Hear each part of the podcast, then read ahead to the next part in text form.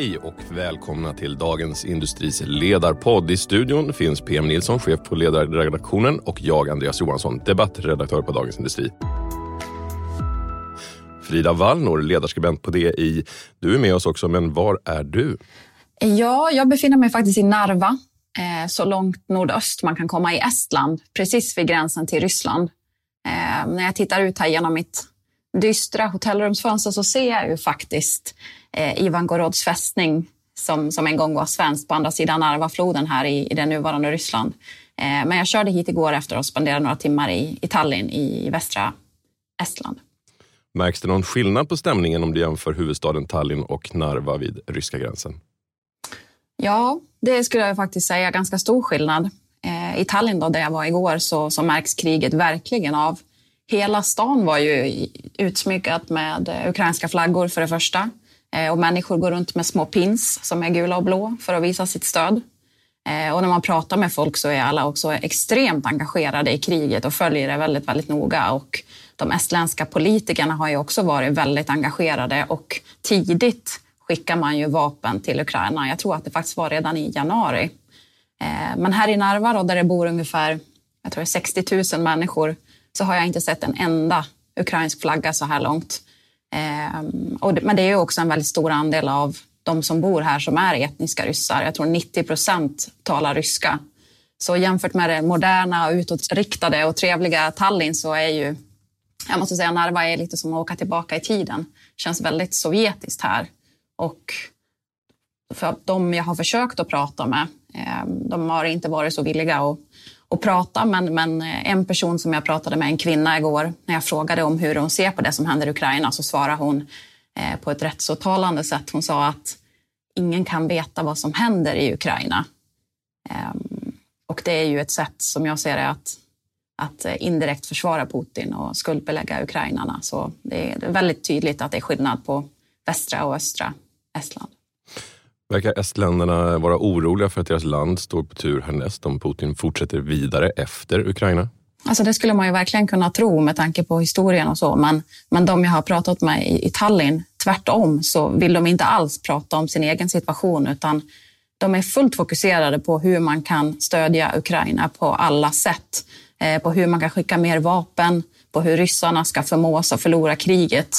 Alltså en välutbildad medelålders man som jag pratade med i Tallinn igår.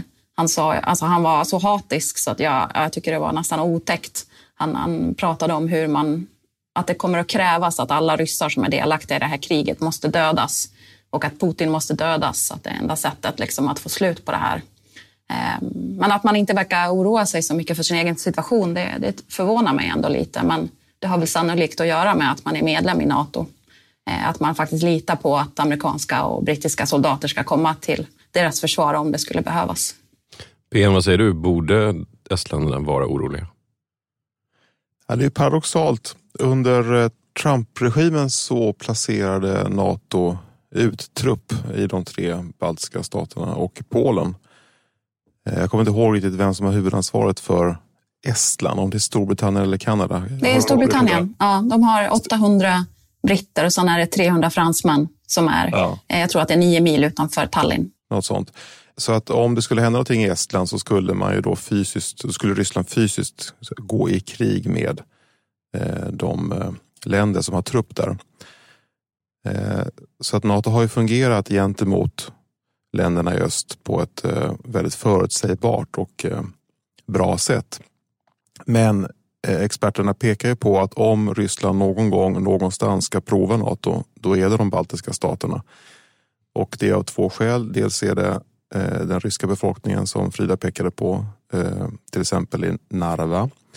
Eh, och Putin har ju sagt att han är eh, en beskyddare av alla ryssar oberoende var i världen de bor. Och det där kan ju utnyttjas på samma sätt som har utnyttjats i östra Ukraina. Det andra skälet är att eh, eh, de baltiska staterna är svåra att försvara från Natos utgångspunkt. Det finns en liten landremsa eh, mellan Polen och eh, Litauen där man kan tillföra trupp. I övrigt så måste man gå över eh, sjön och via luften och via Sveriges territorium. Eh, så det där är liksom en svag länk och eh, de här länderna är så små och har så små befolkningar och eh, man rullar igenom Estland på några timmar med en bil. Så att ja, tyvärr tror jag att de har skäl att vara eh, nervösa. Men Nato upprepar ju hela tiden sina säkerhetsgarantier, försvarar varje tum. Eh, man har som sagt trupp där så att eh, det ska mycket till ändå. Leder oss osökt in på NATO. NATO-frågan. Moderatledaren Ulf Kristersson har sagt att han kommer att lämna in en svensk NATO-ansökan om han blir statsminister efter valet. Och han har en majoritet i riksdagen bakom sig. Han har fått kritik för att det är oansvarigt att göra NATO-frågan till en valfråga. Håller ni med? Om jag ska börja då. Eh, nej, jag håller inte med om kritiken. Jag, man kan läsa Kristersson på olika sätt. Jag läste honom som att han eh, söker enighet i den här frågan. Han upprepade, upprepade det några gånger i artikeln.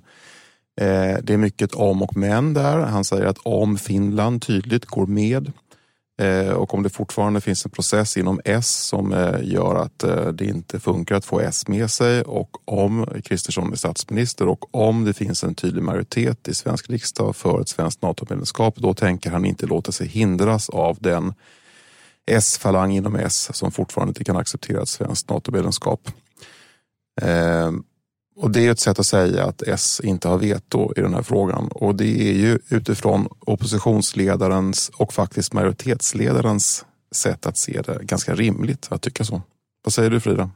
Jag håller helt med dig om det där, men jag tror också att jag skulle bli förvånad om Kristersson skulle behöva göra allvar av, av det här eh, löftet eller, eller hotet eller vad det är. Eh, alltså som jag ser det så är det ju det, det, känns som dumt att vänta så länge när det finns, det finns verkligen politiskt momentum här och nu. Eh, och Ryssland har ju uppenbart annat för sig. Eh, och jag tänker på de här toppmötena som sker idag, torsdag, när vi spelar in det här, eh, som är ju unikt att både EU, Nato och G7 håller möten samtidigt i Bryssel och Joe Biden ska vara med på alla tre. Att man har så uppenbart försöker att visa enighet i väst. Eh, så jag tror att de vi är specialister på det vi gör, precis som du. Därför försäkrar vi på Swedea bara småföretag, som ditt. För oss är små företag alltid större än stora och vår företagsförsäkring anpassar sig helt efter firmans förutsättningar. Gå in på swedea.se företag och jämför själv. Expressen gör varje vecka podden Politikrummet där vi djupdyker i det senaste och viktigaste inom svensk politik. Med mig, Filippa Rogvall, som programledare tillsammans med mina vassa kollegor. Och det är ju ni som heter Thomas Nordenskjöld, Anette Holmqvist och Viktor Bartkron. Politikrummet kommer med ett nytt avsnitt varje tisdag. Vi hörs.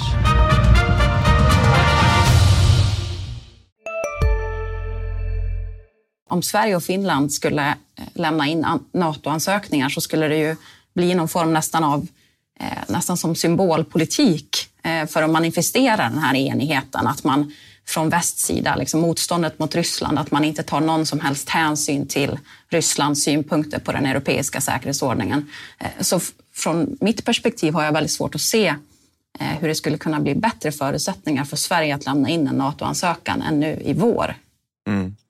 Ja, det är verkligen ett intressant läge. Den finska presidenten gav en intervju i eh, finsk tv igår och det tolkades av eh, finska försvarsexperter som att eh, han på sitt lite ibland outgrundliga sätt ändå har pekat ut hur vägen mot ett medlemskap kommer att se ut. Inte bara hur det kan se ut.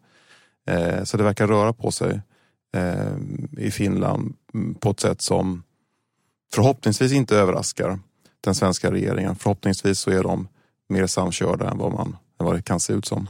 Ja, säkert. Och, nu, och då pratar vi ju en finsk ansökan innan NATO-toppmötet i Madrid i juni. Precis. Så det är ju verkligen snabba ryck.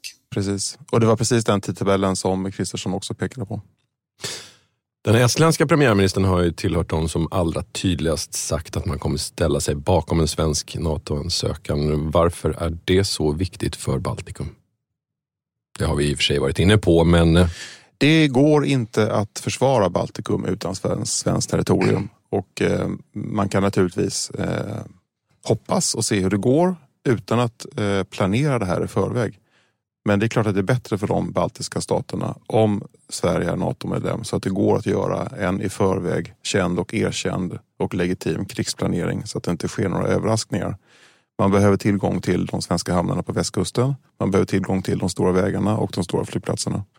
Och man behöver använda eh, svenskt vatten för att eh, kunna operera och få djup för att försvara de här tre små länderna. Vad tog det Frida? Två timmar att köra från eh, Östersjökusten, två och en halv till, eh, till den ryska gränsen. Så det är ju, det är, vad ska man säga, det är som Israel eller, eller Libanon, det är korta avstånd. Men en sak som också har slagit mig nu när jag är här, eh, det är faktiskt min första gång i Estland. Eh, det är ju, alltså de här banden mellan Sverige och Estland är ju väldigt starka. Det är ju ingenting som man tänker på direkt när man bor, bor i Sverige, men här i Estland så verkar man ju verkligen ha koll på att Estland var svenskt under 150 år på 15, 16 och 1700-talen. Och det märks ju väldigt tydligt här i Narva. Eh, det var ju faktiskt här som, som Karl XIIs armé besegrade den ryska armén år 1700 ett av de största slagen där under det här stora nordiska kriget. Och det finns ju överallt här så är det massa minnesmärken från, från svenskarna. Bland annat det här svenska lejonet som står faktiskt precis utanför hotellet här där jag bor. Um, och det tycker jag också är någonting som um, det var väldigt intressant att, att, bli påmind om att, att komma hit. Att de här banden, vi har ju väldigt starka band till Finland såklart, men, men de här banden ska man inte underskatta. Mm. Mm perspektiv. Eh, det har ju varit en stridström av örlogsfartyg från NATO-länder i Stockholm den senaste veckan. Försvarsmakten håller fast vid att det handlar om rutinbesök. Ska man tro på att det är en slump att det händer just nu? Nej, det är inte mitt intryck att det är en slump. Jag talade i förra veckan med eh, personer med insyn i den amerikanska marinen och eh, det framkom en, en tydlig bild av att det är, ovan, det är ovanligt att den här typen av eh, fartyg besöker Östersjön och besöker Sverige och eh, ryssarna brukar inte gilla alls när de är här. Och det är ännu ovanligare att eh, den här typen av fartyg uppträder två, i, i, i, par på det här viset som man gjorde. Eh, de eh, fartygen är specialister på luftförsvar och är byggda och bestyckade för att eh, klara av att försvara Eh, en så kallad eh, Carrier Battle Group, det vill säga en sån här amerikansk gruppfartyg med ett hangarfartyg i mitten och några fregatter bredvid och några ubåtar under. Och då ska en sån här kunna sköta hela luftförsvaret. Alla inkommande missiler och alla fientliga flygplan ska kunna skjutas ner. Så det finns en enorm kapacitet på det här fartyget. Ett sätt att beskriva det på är, som någon av de här sa, att eh, det finns inte i hela Sverige den typen av eh, luftvärnskapacitet som det finns på en enda sån här båt. Och när en, när en båt av den här typen ligger i eller utanför Stockholm då upprättar den en eh, missilsköld som sträcker sig över halva Östersjön, täcker hela Gotland, hela Mälardalsregionen och bort mot Estland. Och nu fanns det alltså två stycken sådana. Och det här, eh, USA eh, skickade dit de här båtarna eh, under en väldigt ovanlig vecka med, med intensiv mötesverksamhet på hög nivå eh, mellan Finland och Sverige. ÖB var i Finland, försvarsministern var i Finland, den svenska statsministern var i eh, eh London, den finska statsministern var i Berlin. Eh, så på alla nivåer så eh, träffas man och förbereder rimligen det här NATO-beslutet eh, eller NATO-processen som ska, som ska komma. Eh, för några veckor sedan så hade man en liknande eh, mötesvecka och då gjorde Ryssland en mycket grov kränkning över Gotland. Och eh, det rimliga är då att USA vill markera att eh, vi kan och vi vill eh, försvara de här ländernas demokratiska processer.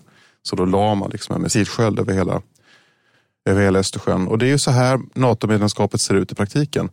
Och det är rimligen så här det kommer att se ut från den dag vi ansöker om medlemskap. Det vill säga att man på något sätt kommer uttala försvarsgarantier förmodligen från USAs sida. Mm, den här robotjagaren USS, USS Forrest Sherman, robotjagare i Arleigh Burke-klassen. Nu går vi in på detaljer här. 155 mm. meter lång. Frida, du besökte den.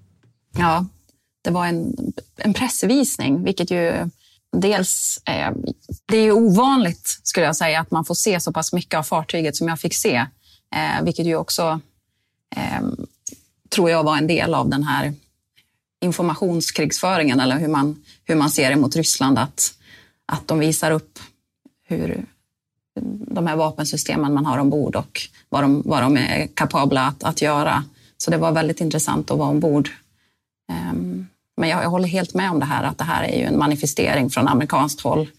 Um, enigheten som har varit kring sanktioner mot Ryssland är en del av det här myntet, men det här militära stödet för, för länder som Sverige och Finland är en annan och väldigt viktig. Uppenbar show of force Frida Wallnor och PM Nilsson. Stort tack för att ni var med idag. Ansvarig utgivare är Peter Fällman. Vi hörs igen nästa vecka.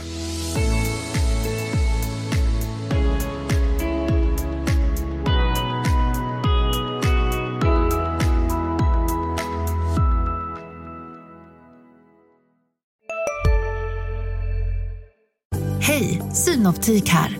Hos oss får du hjälp med att ta hand om din ögonhälsa. Med vår synundersökning kan vi upptäcka både synförändringar och tecken på vanliga ögonsjukdomar. Boka tid på synoptik.se. Kurrar det i magen och du behöver få i dig något snabbt? Då har vi en Donken deal för dig. En chicken burger med McFeast-sås och krispig sallad för bara 15 spänn. Varmt välkommen till McDonalds.